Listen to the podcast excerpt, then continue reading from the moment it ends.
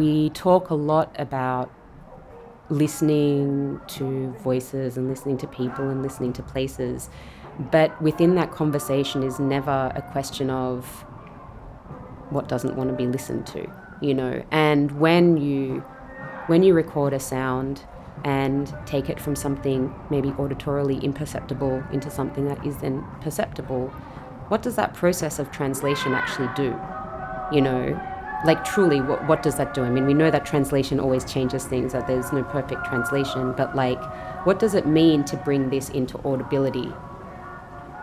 Which seems like a very big philosophical and ethical question. And I think it is, you know.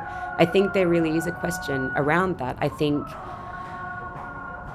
I think that we need to sometimes ask a bit on a case by case basis. Or I don't know, you know. I guess it's up to each recordist. I don't really have a more general like prescription about this. It's just how I work and, and what kind of affects me. But, you know, it, it's really something that I think about a lot is what stories do we seek out? What sounds do we seek out? What sounds do we make audible, perhaps against their consent of the things that make those sounds? And then what violence do we do in the translation of those sounds into languages that can be understood in other ways?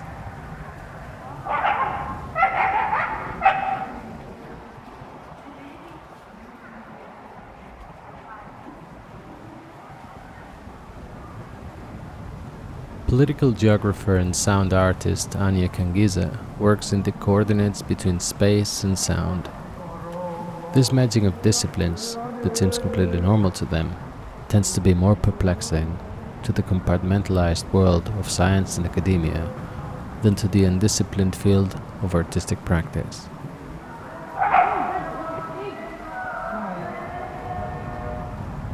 Kanngieser's work involves a close, critical, uncomfortable political listening in which Anja both explores sound governance and seeks to creatively amplify indigenous struggles for social justice in times of climate change.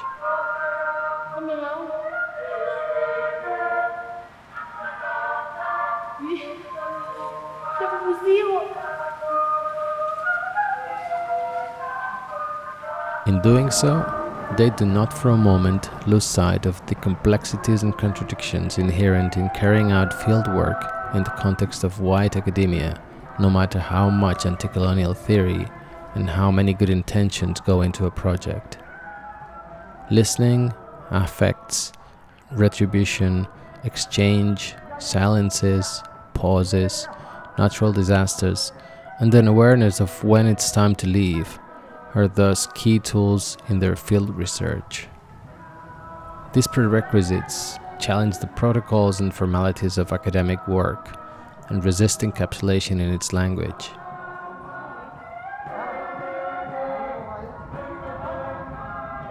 Anja Kanngieser draws on many strategies to resolve these tensions, from a personal and compulsive archive of field recordings and orality to documentary essays, sound walks, sound maps, sonification, radio works, lectures, workshops, podcasting manuals, and academic literature, always attuned to any possible cracks in the academic corset.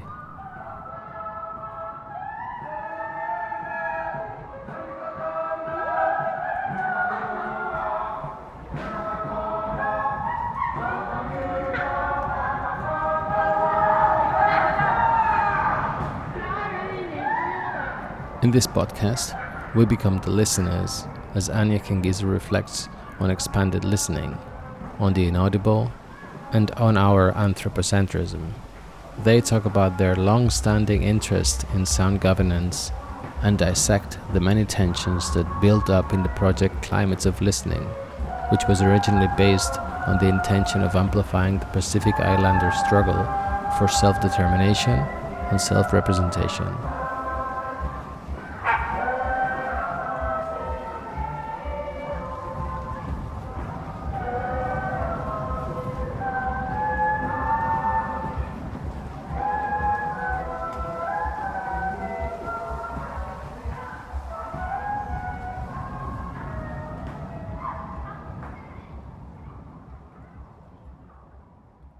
Spend a lot of my time lying on the ground and listening. So it's probably my favorite thing to do in the world is to listen. And for all of my life, that's what I've done. I sounds really strange saying it out loud actually. um, you know, I I spend a lot of time with my ear to the dirt, to the ground, to trees, you know, like feeling things and feeling vibrations and honestly just playing with when when I started building my own microphones uh, when I was in my late teens, it was about just playing with things, like seeing if you put something somewhere, what you might like, what you might hear, like what might kind of come up, and you know, I remember spending weeks when I finally uh, had enough money to buy to buy microphones, uh, spending weeks sitting in my living room, being like, "Wow, I can hear like." You know, across the road, I can literally hear what the, my neighbors are doing in their living room and it really you know like really blew my mind and so for me a lot of the way that i talk about sound comes from a really physical a lifelong physical obsession i guess or fascination or you know desire to kind of just be really close to things that make sounds and to try to hear things that you think maybe make sounds like the sound of ants or, you know, like the sound of worms or something. Like trying to think, wow, what does that sound like? And then trying to find ways to hear that thing. So I suppose, you know, it's always a very tricky thing with academic writing. We are institutionalized to speak in certain ways that doesn't make much space for a bodily exper- experience or a bodily experiment. You know, you can't really talk about you can't really talk about your body and how you come to think about things. It's not it's not what you're allowed to do. Writing about sound in an academic sense is very difficult. It's very difficult to sort of say this is something it's like talking about a ghost or like talking about, you know, air. Like it's just so hard to pinpoint in language, you know. Um so all all of my kind of I guess attempts to think about sound in an intellectual sense come from this really deeply embodied, playful thing that I just do uh, in my life and really enjoy. Uh, and oftentimes, I think probably really messy uh, attempts to try to put those things into words in some way.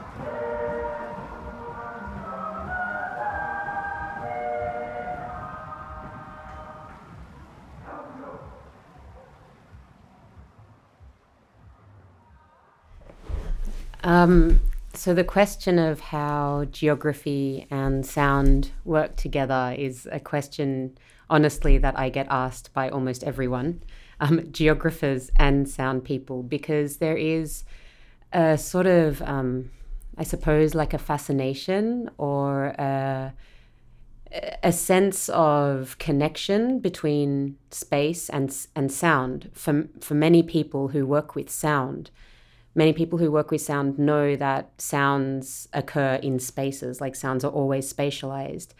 And I think that really is what the importance for me in bringing together geography and sound is, because I am trained as a geographer, but I am also a sound artist. But perhaps I'm a geographer because I am a sound artist. I, I don't really know which comes first. But what I always say to geographers, because geographers tend to be more suspicious of sound than people working with sound are of geography is I will say go outside and find somewhere to sit down, you know, under a tree or a park bench or wherever, you know, a step, wherever you want to sit, and just shut your eyes and for one minute, for five minutes, for however long you want, just listen to that space. Listen to the way that the sound echoes off that space. Listen to how you can hear people coming towards you and moving away from you.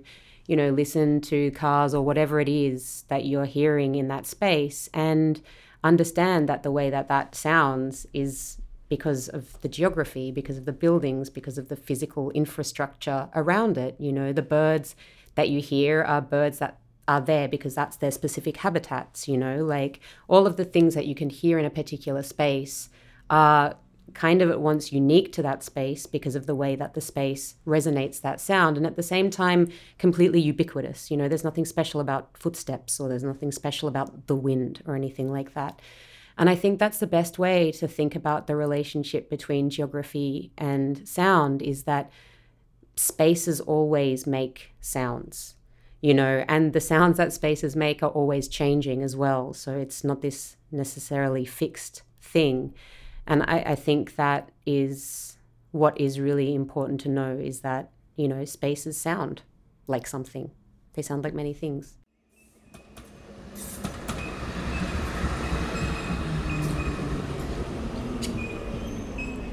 One of the tensions that is inherent in possibly everyone's work around sound is that we are always humans and we listen in particular ways. The way that listening is posited, is always anthropocentric, so it's always human oriented.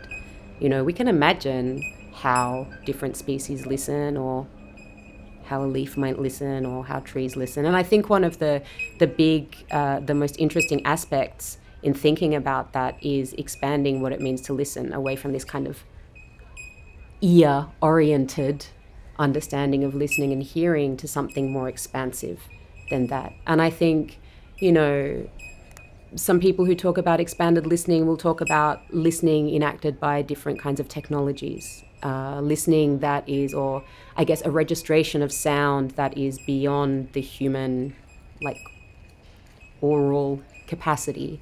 You know, the ability to pick up infrasound or ultrasound sonic frequencies that aren't, you know, that we can't hear just with our ears or well, I mean, I guess sometimes we register them in our bodies much better than we do in our ears. You know, you feel a bit sick or something.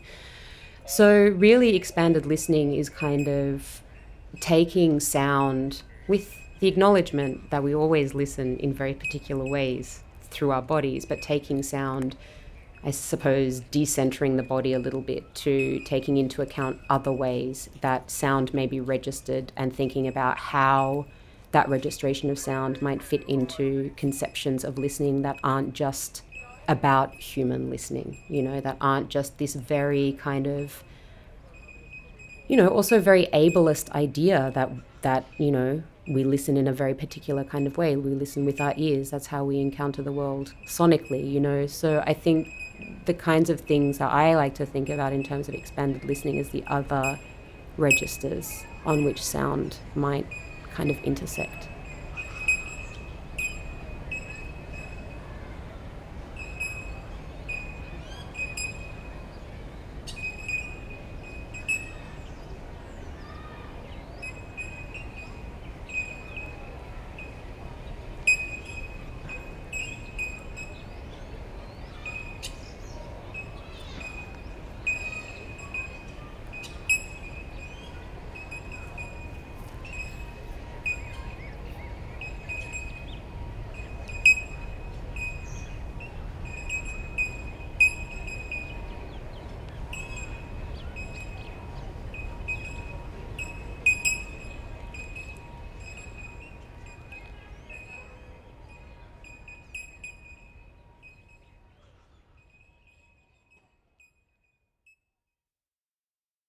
You know, affect is more than emotions, it's more than feelings. It's kind of like something that collectively m- moves bodies or moves things. And a lot has been done about sound and its affective kind of potential, the way that sound moves us. And I think, you know, one of the examples that often gets spoken about is in uh, when you're watching a movie in a cinema and it has one of those broad, sweeping soundscapes, you know, those really epic kind of uh, orchestral, that really brings you into this feeling in your body. And it's just this kind of overwhelming, sort of surging, lifting feeling you know and the sound is designed specifically to elicit that kind of response in in people that are listening. Like that's probably the easiest example to talk about in terms of the affective potentials that sound has is that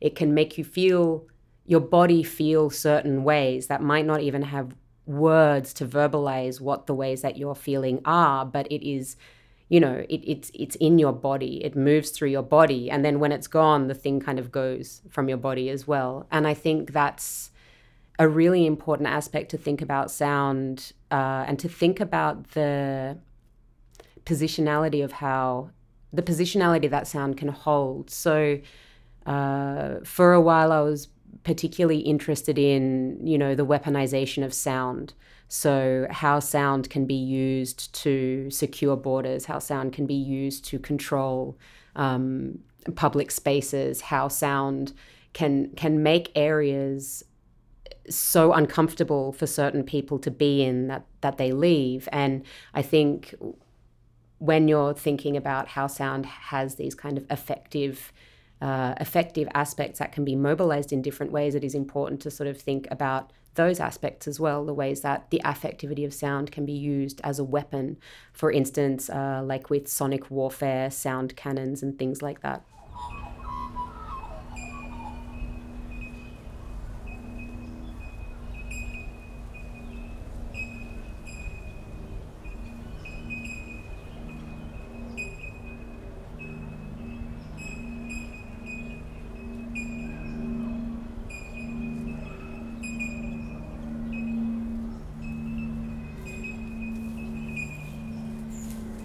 Mm, sonic governance really is, again, something that I was working with uh, in the work that I was doing for a while around sonic warfare and the control of public and private spaces through sound. Uh, also, you know, thinking through technologies around uh, sonic warfare and the kind of uh, eradication of animals, you know, pests and things like that through sound, but really the control of particular spaces uh, and also eavesdropping, you know, the way that sound is used to eavesdrop uh, on people in particular kinds of spaces. And there, there is a lot, there is a huge world of this technology, you know, uh, and I looked into it for a very long time.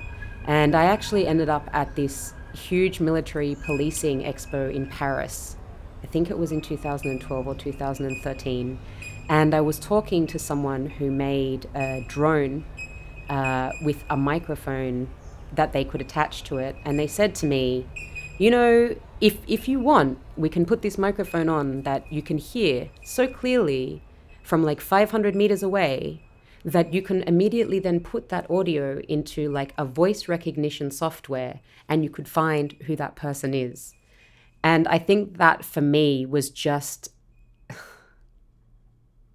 such an epitome of thinking about sonic governance that you could commission a drone by this company that would be so far out of sight that someone couldn't see, and yet their voice would be recorded and then put straight into voice recognition software and they could be identified you know? And that that crossover as well like i was just a person there. I wasn't a government official. I wasn't from a company. But you know this military policing conference where there were all of these government officials there security experts these corporations that were selling these devices to the government and then i don't know just other people who were kind of there to consume these things just i think is really kind of the epitome of that, you know, the epitome of where we are. And to be honest, um, I kind of, mm, I kind of faded out my work on sonic governance after that because I got really scared. I got really overwhelmed uh, because reading about these things and experiencing them on a small scale, you know, uh, in the city where there are, you know, cameras with microphones attached and you know, even hearing about things like Alexa and I mean, everybody, everybody's got Alexa and Siri now, you know, hearing stories where Siri had switched itself on or Alexa had switched itself on, and people were then eavesdropping, stories about people eavesdropping over baby monitors and things like that, you know, just that kind of breakdown of of any kind of sense of privacy or I guess any sense of not being heard, like being constantly surveilled auditorily, I think I just ended up getting really overwhelmed and a bit freaked out and kind of uh, needed to go away from that work for a little bit. So, yeah, it was something that I was working on for quite a while um, and was just overwhelmed by the ubiquity of it.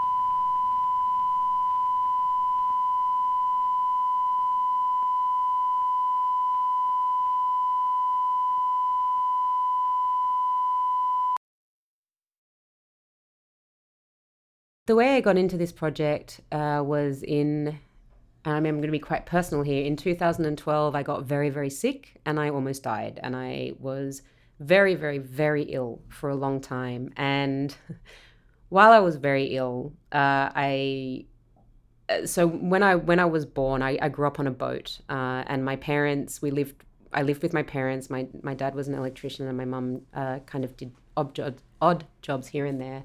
We lived in New Caledonia for a long time.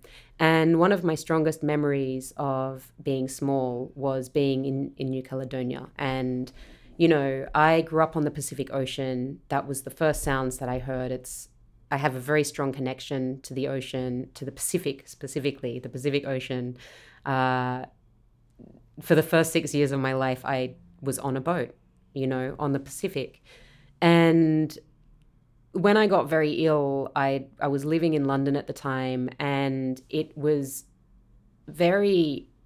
I I needed to be on the Pacific Ocean again. Like it was this very strong thing, and I thought, well, I have no money. I'm gonna have to leave my job.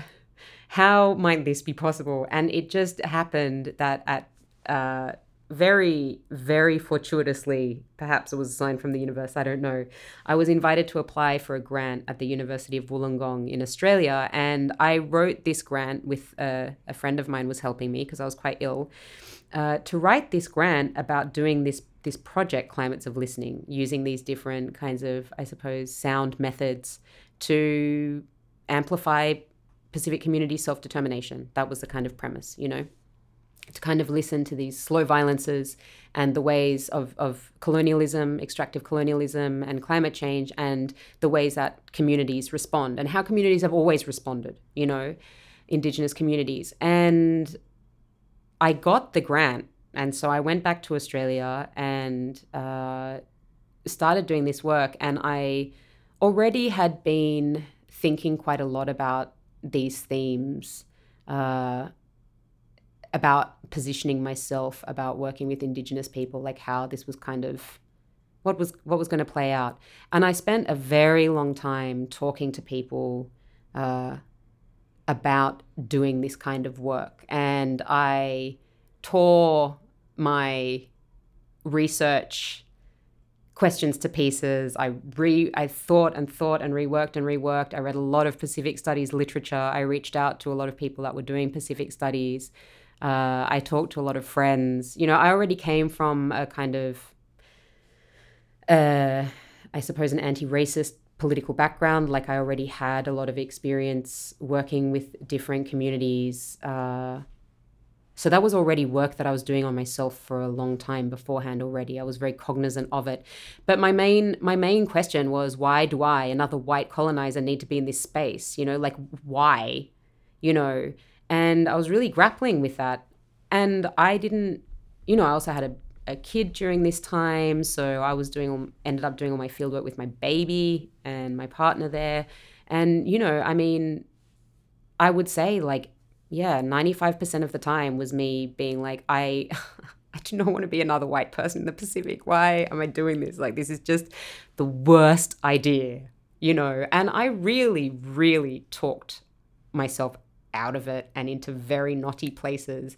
And every time I did kind of get right to the brink, I would have one friend or another be like, oh my God, like, stop being so like narcissistic and self absorbed. You've gotten this money to do this thing. Like, just do it in the best way possible and redistribute the funds. You know, like, just pay. Like, just, it doesn't matter if the university says you can't give people, like, just give people money. Like, do like bring them groceries and do shit. Like just do shit properly, you know. And I think at some point, I just was like, my God, I've got to get over myself. Like this is really boring for me and everybody around me. So I think that was just the thing. Was just kind of really reading a lot of Pacific Studies literature, reading people like, you know, Linda Tuhiwai Smith and understanding, you know, what it meant to try to do anti colonial research as a white person in a region that was is literally still colonized by the country that you were born in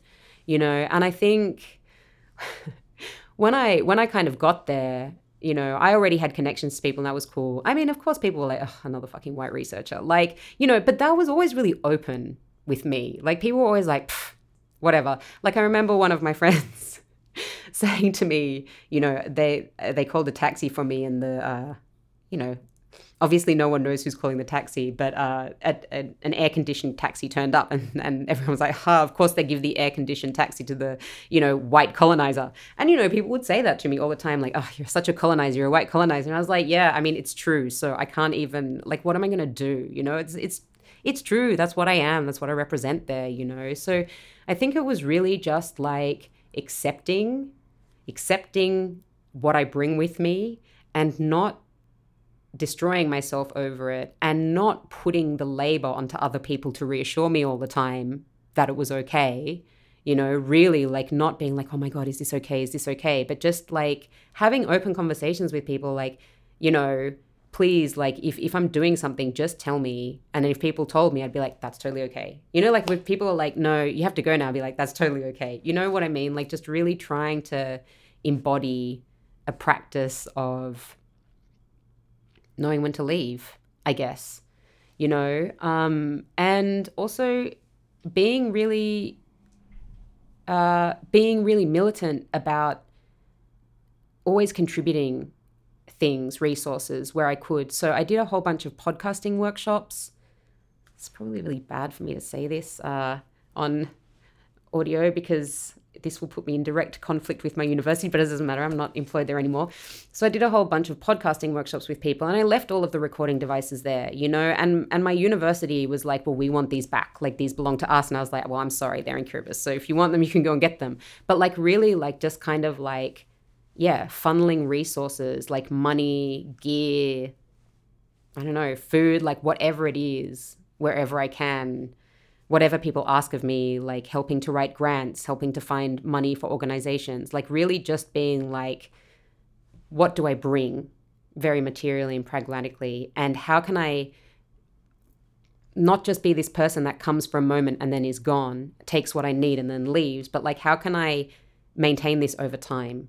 You know, and even if it's not like, really like consistent all the time because of things come in, but always being like, okay, how can I always keep contributing? And so for me, something like redistributing the money that I get from commissions and stuff, you know, is is one aspect of that because that's always giving back money. And I mean, yeah, that requires a lot of sacrifice. Like I don't I don't have much money either. So it's like really making that decision of being like, cool, instead of 500 euro, I take 100 euro out of this. And honestly, like that's fine, you know, like that's just for me what is right to do, you know, and I think everyone needs to make that decision or or not, you know, for themselves. But for me, that's the decision that I have to make for me to feel okay with the people that I work with and to kind of say, no, this is not a this is not like some tokenistic thing that I'm talking about here. Like you literally let me record your stuff.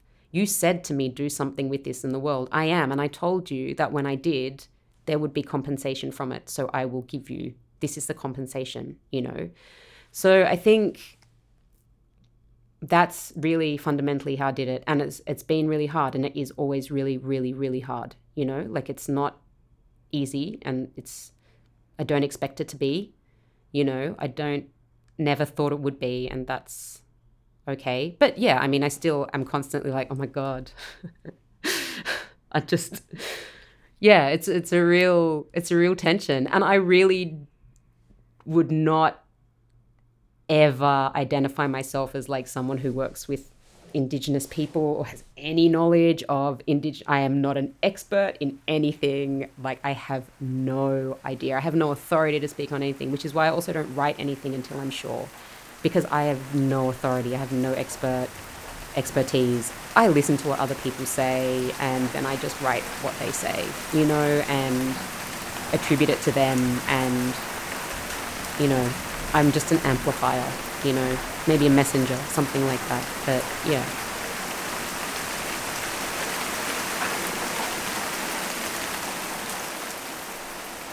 It was already a difficult time, they told me. It was a difficult time before he came. There were droughts and crops died and everything was too dry, or it was too wet, or there were not enough jobs, there was not enough money, nothing to spare. Where were we?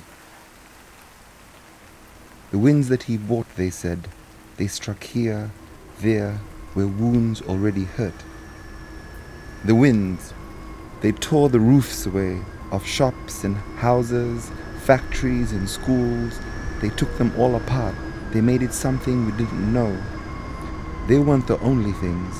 Windows and walls, beds and tables, fields of sugar and trees ripped from the earth, animals flung around, everything damaged, destroyed, flooded, or gone.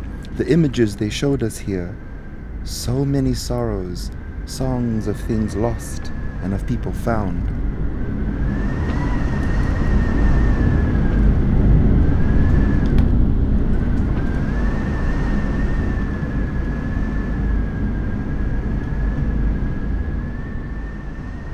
Behind these sorrows lay other stories, stories told quietly or behind closed doors. Those stories, haunted by their words more than echoes, fell deep in the guts and crawling on the skin when we asked why this happened. Stories about the empire that came, that never ended, and the life it took from us. took everything, our seas and soils, Stories of people on boats from India and from far away, hidden below, promised gold but given tin, those taken to be blackbirds on sugar plantations, stolen from their lands by the white men to cut the cane, those men who came back to steal and steal and steal again. Stories of lives turned into looks, turned into silence, a spit and a glare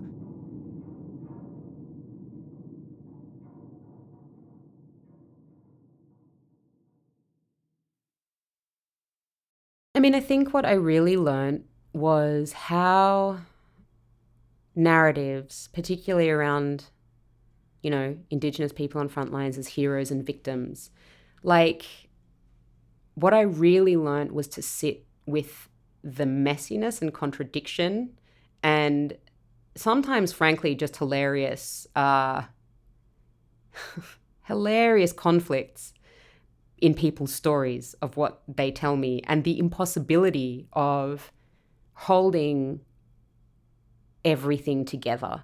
So um, I kind of talked in a in a few things about this situation in Kiribati. So I, I went there, I was invited there and went there with a Fijian friend of mine who is a marine biologist and we went there. And you know i kind of thought well i've grown up on a boat and i really love the ocean so this is going to be this is going to be great. This is going to be totally cool for me. Like i'm okay with low-lying atolls and just water everywhere. And from the first moment that we landed i was like oh my god i feel really seasick. Like the ocean was kind of like on one side and then you know there's a small landmass it's like 500 meters you know and then there's a lagoon right? And it's just a lot of water.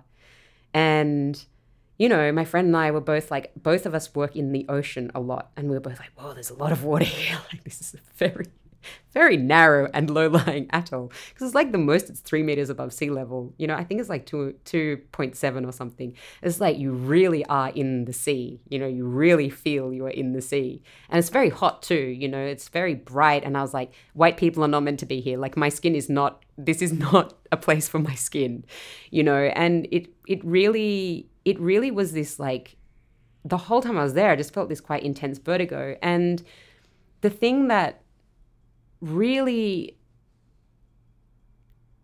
I cannot shake at all was that, you know, there was this one day where there was this inundation event and everything was flooded, right? Like the houses were flooded, the pig pens were flooded, the road was flooded. There was just water everywhere as like, you know, everything's like the road was covered in water. We're driving the car through the water going, oh my God, are we, are we going to die here? Like, is this, is, what are we going to do? Like, is the ocean just going to keep coming higher? Like, uh, we had no idea, you know, we're like just tourists being like, oh my God, so much water everywhere.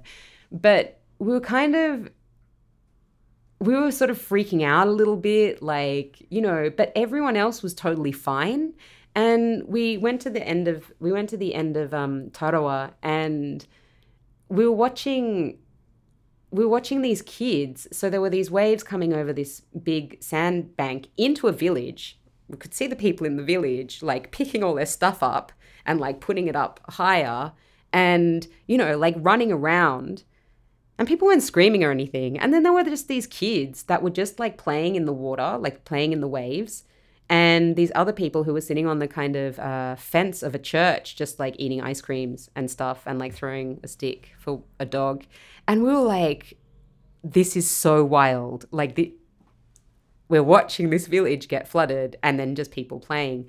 And I think that was the really, I, I can't describe how it feels in my body, but it was like kind of being like in a parallel universe or something because I think, you know, all the stories that you hear about the Pacific and the front lines, it's like this, it's like disaster or catastrophe is just one dimensional.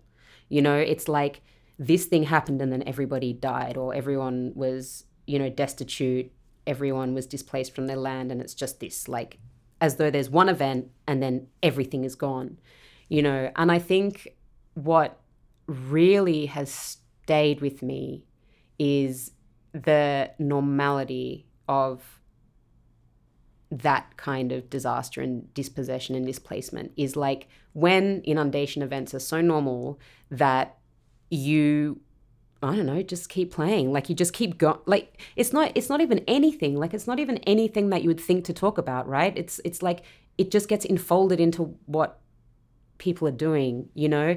And it's really hard to talk with people about this because what people want to hear is a sad tragic story. You know, what people want to hear is that there was flooding and it was chaos and everyone was sad and then this was the solution no one knows what to do with a story about flooding that kids were playing in. But realistically, I mean, that's a lot of experiences of flooding, right? It's just that when we think of the front lines, we think of it in one way or another, you know? Like, of course, people are still going to hang out and, I don't know, have fun and, you know, everybody's on their phones and like, I don't know, teenagers are hooking up in the, you know, airfield across the road while villages are getting flooded, you know, like it's life is just going on, you know. And I think that's, yeah, I think the embodied comprehension of that is probably what I never expected and, and now am kind of trying to work on articulating.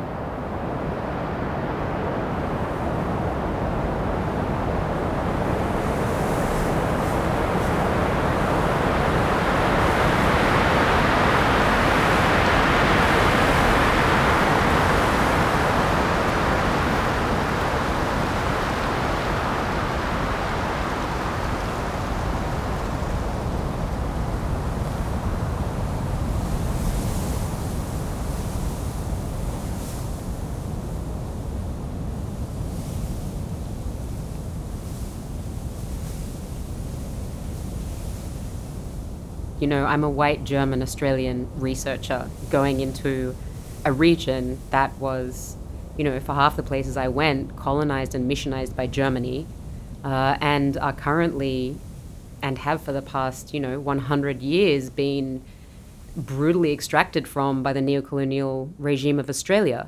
You know, uh, even though independence was claimed, was was won by a lot of the places that I go to, in the 60s and 70s, there's, you know, I don't, I find it very hard to understand what post colonialism means in the Pacific because of these intensely uh, entangled economic and political relationships and dependencies that a lot of the Pacific islands that I went to. So I was in Fiji, Nauru, Papua New Guinea, Kiribati, and the Marshall Islands.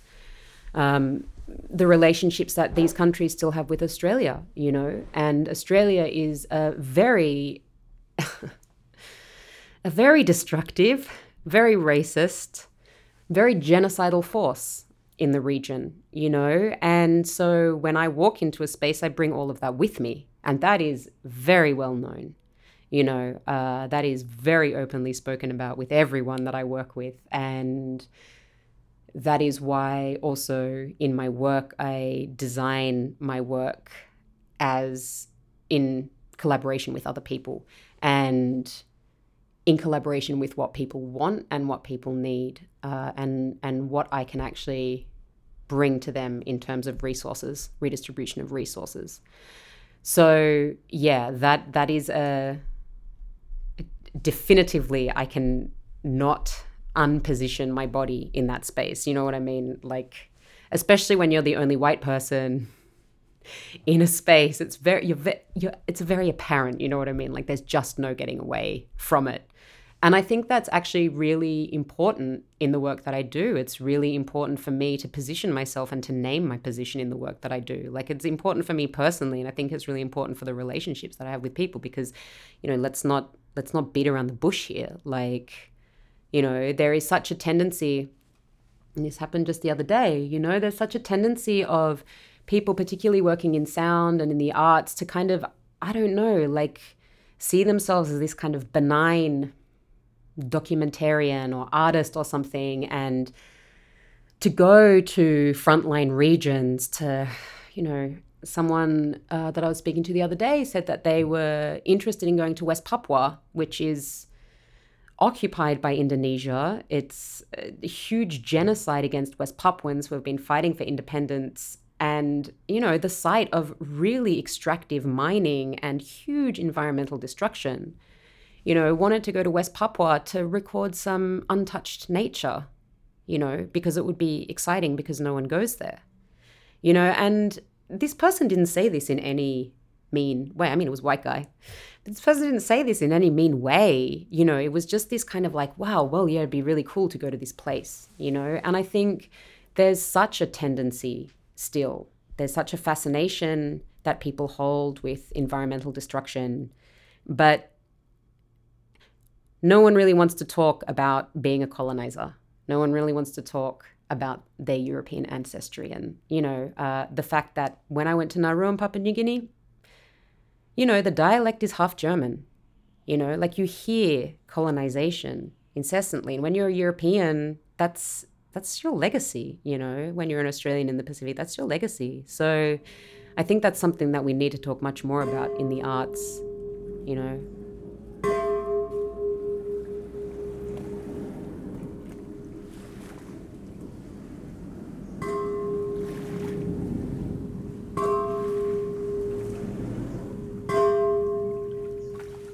My name is Anja Kanngieser, and I'm a geographer. I think a lot about water. I never set out to be a geographer, but given that I was born on a boat in the Pacific to white German parents who later moved us onto a small island, there's a kind of poetry to me ending up here, listening to the gurgles and roar of the waves. Geography means earth writing for me, a geographer is someone who studies the relationships between the land, the ocean, and people. Geography is not a benign thing. It's tied to a violent history because writing the earth, making maps, deciding what a place is, what its name is, and who is there, also means making decisions about who gets left out. Unsurprisingly, geography has played a role in the theft of lands erasing people's histories and lives when they don't fit the story that the people making the maps want to tell. As a geographer, I know how stories about the earth and the sea get made and what they do. In my line of work, there's not a lot of value placed on how I feel or how I live. There's not a lot of care for how scholars are impacted by the stories we hear or that we tell. We are meant to be social scientists, stoic, unshaken.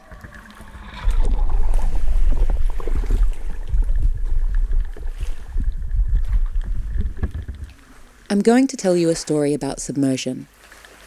Submersion means being covered over, being fully immersed in liquid.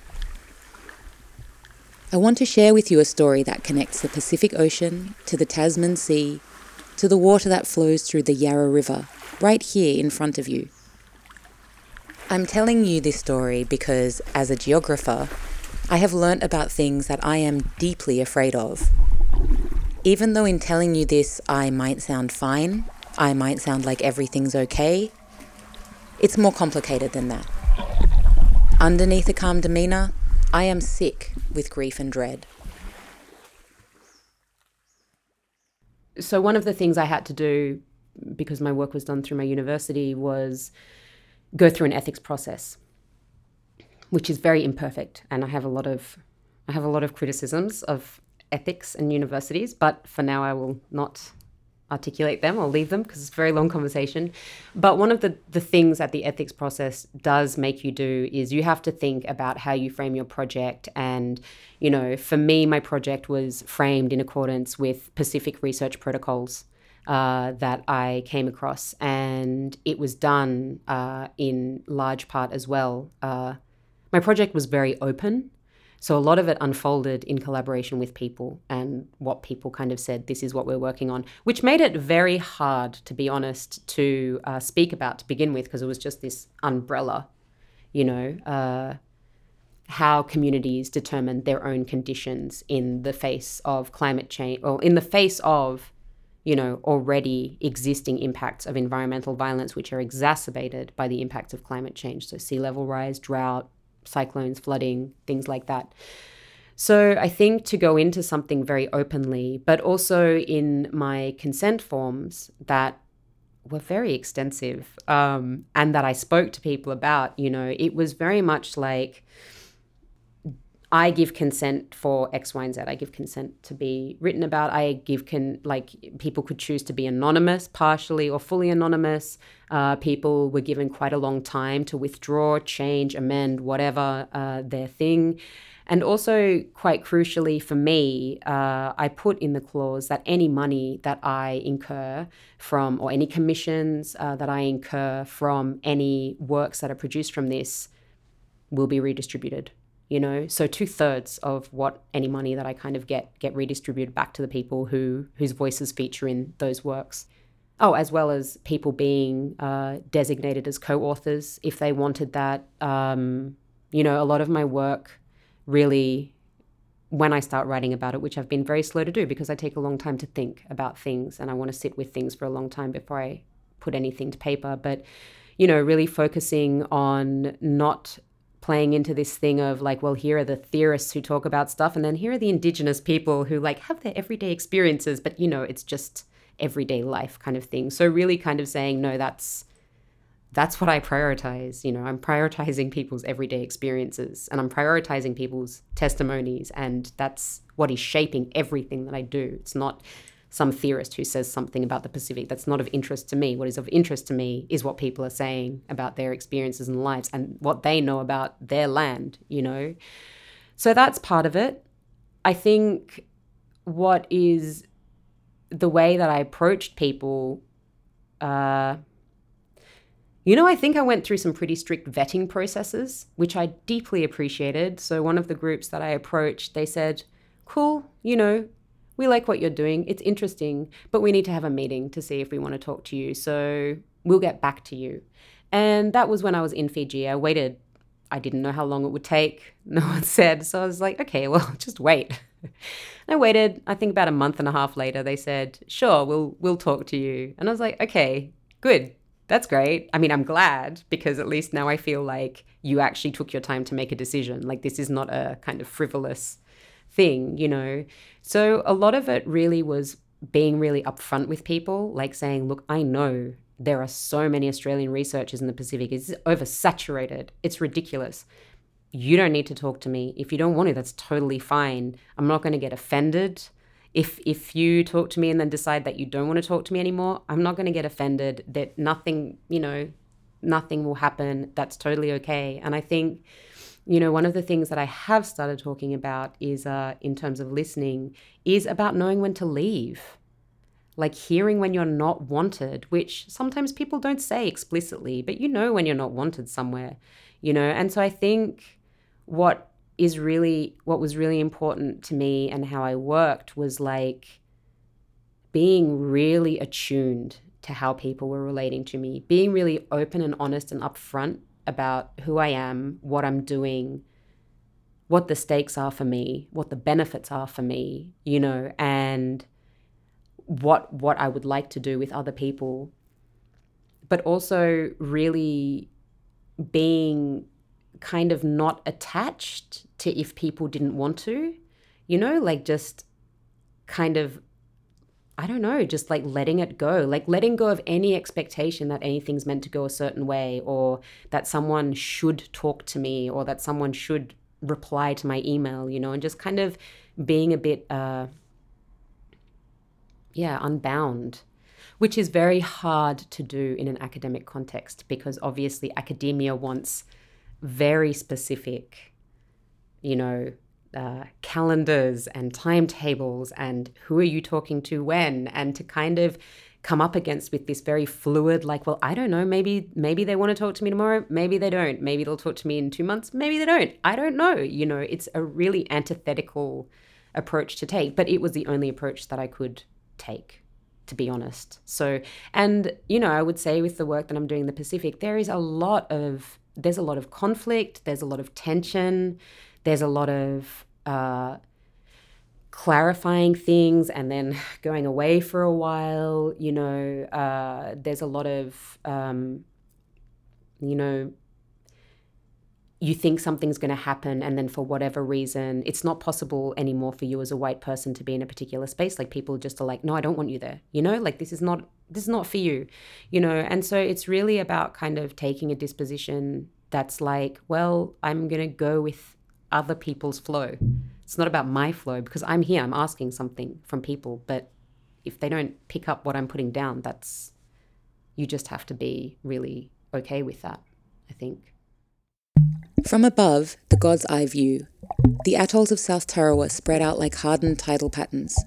Slopes and pitches of green land running into yellow beach, pale cerulean reefs and deep navy ocean. The white wash of waves frame the fade between water and earth. Dropping down to this land causes vertigo. I'm seized by a sudden fear of drowning. Which surprises me because I grew up on a boat and I learnt to swim at a very young age. The water is my home. Being on a boat, though, is not the same as being on an island. A boat moves with the swell while an island is stuck where it is. Growing up, I spent a lot of time joyfully submerged in the South Pacific, fishing, collecting pippies and seaweed, hiding in mangroves. While those waters are connected to here, I can tell the difference this close to the equator. The light is brighter, the salt is sharper. I am excited to be surrounded by this ocean again, but the vertigo comes precisely from what I most longed for being immersed. Driving along the thin strip of coral, on the right lies the ocean, and on the left the lagoon. Only a pile of rocks of a seawall holds back the tide. Deep in my stomach blooms fear because there's not much water between me and the sea. Visions of being taken at night while I'm asleep by an unexpected tidal wave, the seawall breaking apart against the velocity of the current, or of a tsunami warning ringing out and having nowhere to go, or of a storm or even a particularly high tide fill my mind. It's not an unfounded fear, these things happen. One afternoon, the moon low to the horizon pulls the water up over the sand and concrete of the road. Three metres above sea level is actually not very high, I realise, when the water starts to rise unhurriedly and my friend and I watch pig pens on the lagoon side get flooded and we don't even know if pigs can swim. Both of us, ocean people, exclaim as the salt water jumps up to meet the car windows as we drive along the road wondering if the car will be seized by some rogue but gentle swell. On the side of the road, small children splash around and eat ice blocks, while beyond the sandbanks, waves lazily topple over into villages. We watch the water tug at trees, who must be part marine life by now, somehow adapting to the salt infiltrating what soil is left holding down their roots. For hours we watch the tide rise, encroaching up on the shore and flooding everything it came into contact with.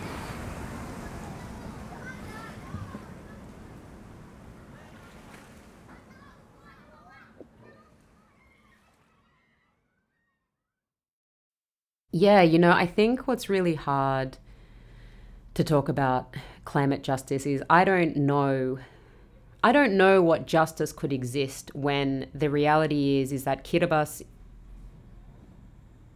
will be gone. It's undeniable. Kiribati will be gone, right? And a lot of the Kiribati people that I spoke to, particularly the older people, were like, well, we're going to die here. You know, it doesn't matter. We're not leaving. Someone said to me very candidly, I don't want to move to New Zealand. It's cold there and I don't own any land. Like, we don't own land, which is, you know, very honest. Like, yeah, it's yeah, people don't own land. And she also said, you know, here you own land, you grow your food, you don't have to work. I don't want to work. Like, I don't want to do this. I don't want to go out. You know, she's telling me about her kid, one of her kids who lives there is, you know, works 12 hour days, slaving away, and it's cold and paying like all of these property taxes and all this kind of stuff. She's like, I don't want that life. Like, I don't like that life. I like my life, you know, and saying, well, we're just going to die here. Like, we're going to die here with our ancestors. You know, our bodies will remain here and we'll be under the sea you know, and you know, climate justice is you think about what justice would mean, you know, at the moment it's conversations around loss and damages. How can you ever compensate that? You know, it's an entire land gone and indigenous people displaced forever. Like it's they can't they'll never go back there. And I think that's the really hard thing to kind of get people here to understand, you know, and where I struggle a lot in translating those realities to people here is that, you know, in Europe, there hasn't really been much impact from climate change so far. Like, there haven't been food shortages, there hasn't been like large land masses lost. You know, the way it's kind of manifesting is, is in this kind of like border anxiety and border racism around migration, which is going to, you know, it's going to get worse and worse because land becomes in, uninhabitable you know and and that's the kind of way that it's manifesting now and you know sometimes around people being sad about 100 years into the future and some species being lost. You know, I think the reality of what what is being lost for frontline communities is impossible for people here to really kind of understand in a very embodied material sense. It's a very intellectual thing, you know? And I think that's a real problem and I don't quite know how to. I don't know what what I can do. I mean, I'm trying and trying to kind of intervene in that a little bit, but I don't know what it will take for people to kind of understand that actually climate change is not this future thing. It's something that's tied to colonialism and histories of slavery and histories of anti-blackness and racism and you know Europeans taking other people's lands to extract for resources and having this approach to the world of like, you know, we will consume everything, you know, and it's a very difficult thing to talk to people about because, yeah, what gets spoken about and what people know about is like, yeah, rich people buying upland in New Zealand and it's pristine, you know, it's pristine kind of environment, or people, you know, think, well, we'll just, you know, geoengineer our way out of this. Like, well, the islands are lost, let's just build some other islands you know, people can live on floating islands, you know, like I don't, I don't even know what. So I think there are real issues around that. I mean, when you think about what Indigenous Pacific people are calling for, it's to remain on their land. You know, it's for polluting countries like Australia and Europe and the States to take responsibility for the destruction that we have wreaked upon people and environments for hundreds and hundreds of years. And I just don't know how, I just don't know how to bridge that gap in understanding, you know? This is something that is encountered a lot with this discourse around the Anthropocene as well. You know, like all of a sudden the Anthropocene was the trendiest thing for people to jump on the bandwagon of, and now it's decolonization too, which has been so removed from its actual meaning that it just becomes this kind of empty empty thing you know i think to be very generous i think that a lot of people are very well intentioned i think a lot of people care and i think a lot of people are worried and anxious and want to do something. You know i think that's really a big motivation that's driving people. Um, and i'm talking specifically as well about white europeans so you know i'm not going to generalize here. Um,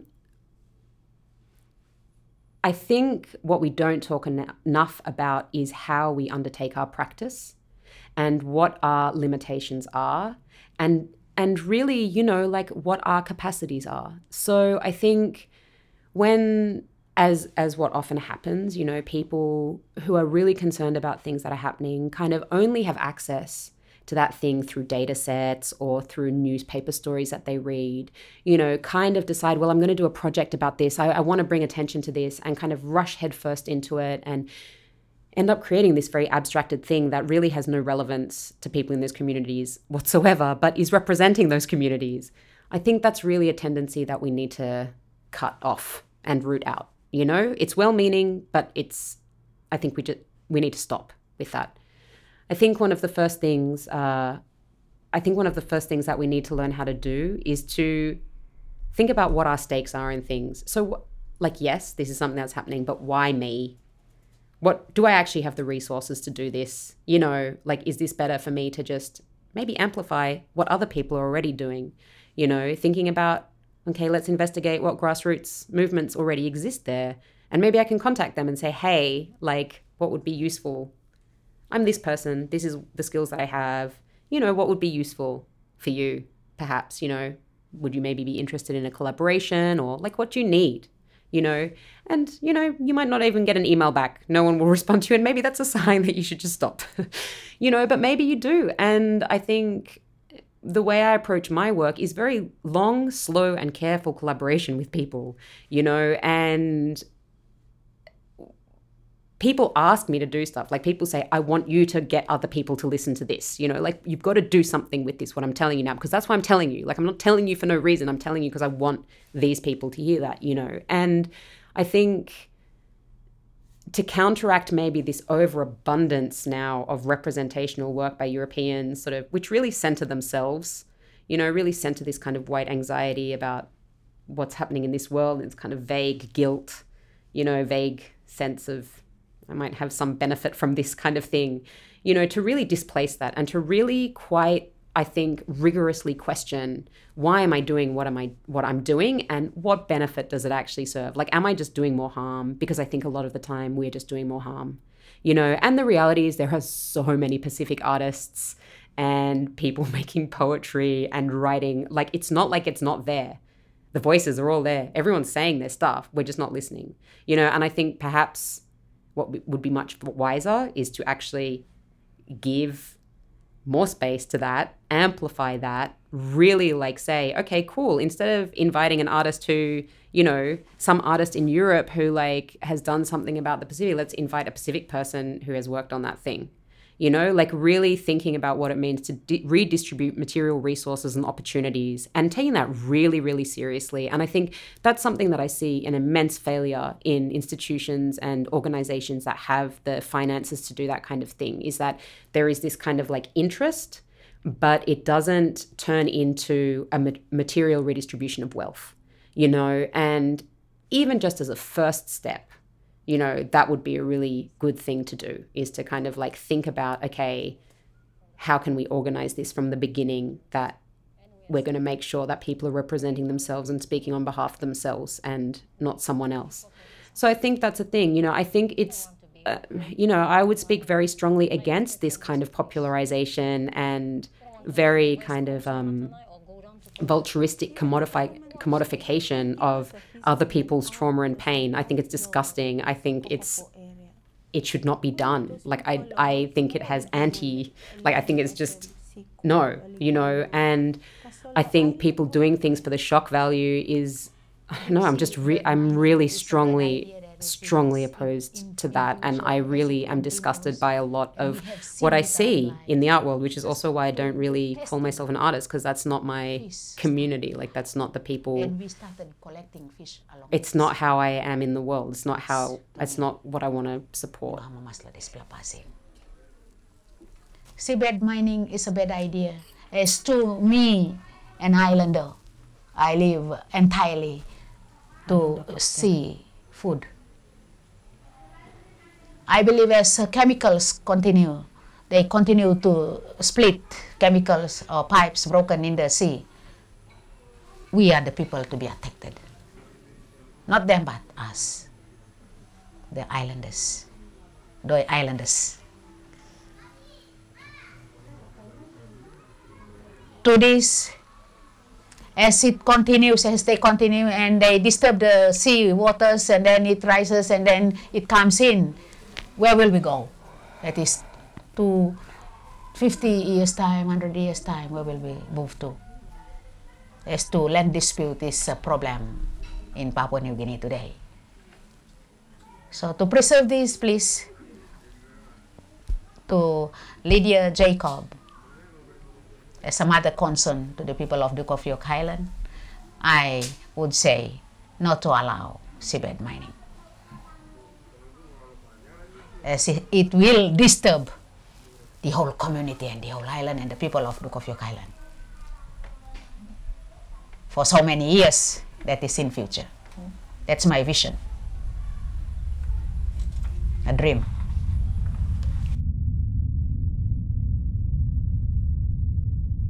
While several nations are showing interest in opening their oceans to seabed exploration across the region, Solwara 1 has been currently delayed due to financial difficulties and strong landowner resistance.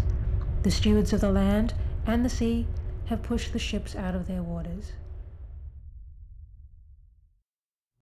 I don't determine the work that I do. It kind of is determined through me. I I find it very hard to know what to call what I do because I don't think that there's a term for it exactly. You know, I tend to kind of with the radio doc I've kind of fallen into radio because I have a radio background. So radio is comfortable for me, you know. Uh, but there's a lot of things about radio that doesn't really make much space for the more aesthetic I guess, long durations of recordings that I really like, you know, the really kind of detailed listening. At the same time, a lot of sound art doesn't make much space for the oral testimonies of people and the more documentary elements of the work that I do because that's a bit too, you know, uh, a bit too grounded sometimes, somehow. So it really just kind of falls between things. And one of the things that I struggle with is that all of the creative work that I do is not recognized by my discipline at all. So for the last couple of years, I've been kind of working more on these creative works, but to my, you know, to, to the university, they, d- they don't exist. They don't count, you know. So it's very hard then to justify, you know, they want me to write papers.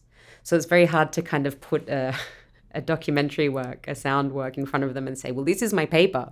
You know, this is what I did. And, you know, that's not, it's not legible, you know. Uh, so I think I'm just always sort of muddling through trying to figure out what to do. I mean, one of the things that I'm working on at the moment, which is a very, uh, for me, uh, technical undertaking, is building this kind of relational sound map with the recordings, the oral testimonies, and the field recordings from across the Pacific, where I'll be putting up, you know, things that people said, uh, things that they've kind of encountered, what environmental justice means to people, what self determination means to people, you know, how people celebrate each other and their communities, you know, what brings people joy.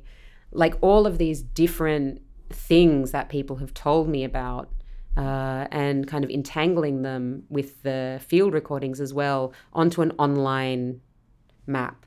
And I've I've been talking to a lot of uh, web designers and you know people who understand how to make these things about the necessity to move away from a kind of imperial cartography, you know, the map that says here is Papua New Guinea, here is Australia, here is Nauru, you know, here is the Marshall Islands, here is Kiribati uh, but to actually kind of m- merge it together through relations. So I suppose perhaps more thematically to kind of link things together and what that would look like. Like I hear exactly what it sounds like because for me, those links are very audible between what people say and you know what people are kind of doing. But I ha- I don't I don't have the visual imagination to imagine what that looks like. But that's something that I'm working on. Uh, I'm also working on writing a book. Uh, for Duke University Press, which they've asked me to write, which the editor that I'm working with is incredible and is very, uh, very supportive, very encouraging of me to write this kind of geopolitical, the geopolitics and the kind of uh, history of colonization and neocolonialism of the Pacific through sound, through listening. So, through really kind of positioning myself and and what I hear as the kind of threshold to unfold all of these larger, you know, uh, economic and political and social questions. So that's really amazing. You know, that's a really big relief for me to be working with someone who's very open to a very weird and very nuanced. You know, it's not this kind of like this black and white story. It's like these are all of these things that are untangled. It's not possible to talk about people without talking about the environment, without talking about the ocean, without talking about the fish, without talking about, you know, all of these different things. And, you know, the recognition as well that time is not this linear thing. Like time keeps kind of enfolding and moving together that things that happened 100 years ago are still having effects now you know and that those effects are making cyclones worse you know so it's really trying to write in this quite holistic embodied way i suppose and bringing these things together. But again i don't really i don't really know what it's called what i do. So i don't know where it sits. I don't know i don't know how it kind of comes how it kind of fits into things, but I do know that working in this way feels very truthful to the way that people in the Pacific, Indigenous people in the Pacific, talk about their relationships to their environment. You know, um, this feels a lot more spacious in the sense that there a lot more nuance can be built in, a lot more uh, recognition of those kind of relationships can be built in, and that it doesn't have to be this like very strict linear story, or it doesn't have to be this very aestheticized, you know, tragedy that's going on. That it's possible to talk about, you know, people suffering intense violence and, uh, you know, intense trauma at the same time as celebrating someone's birthday. You know, that all of these things sit together because that is life. You know, that is people's lives. And so I think the way that I'm trying to do things is trying to be truthful to that messiness and complexity of life.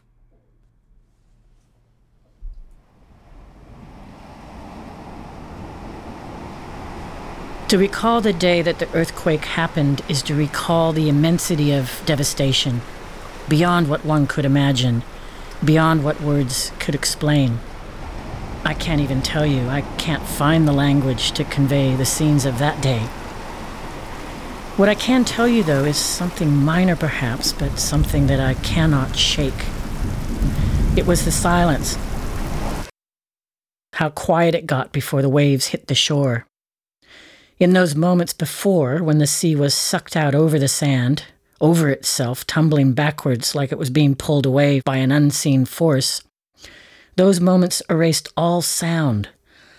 As the water was pulling back, it was leaving behind things like small sharks and crabs, starfish and mussels, sea urchins, seaweed, lots of plastic bags and fast food containers. Just things, bountiful things, creatures and flotsam and jetsam, accumulated on the wet sea floor. As the sea was sucked back, people came running onto the sand, looking at the debris, yelling and laughing and pointing at what was revealed by the retreating water, astonished at those disarranged creatures flapping and stranded entirely out of place. The people were chasing the receding tide, picking up and throwing around these objects from another place, exposed in ways that they would never have been exposed before. And in this deadly contradiction of the sea folding back away from the people in pursuit, time just stopped. Time stopped with the people exclaiming, their voices splitting the silence that the disappearing sea had left. It just stopped everything was suspended. There was a vacuum, a vacuum of air, of understanding, of, of words. And then, of course, there wasn't. And then, of course, the sea came back and it told its own story.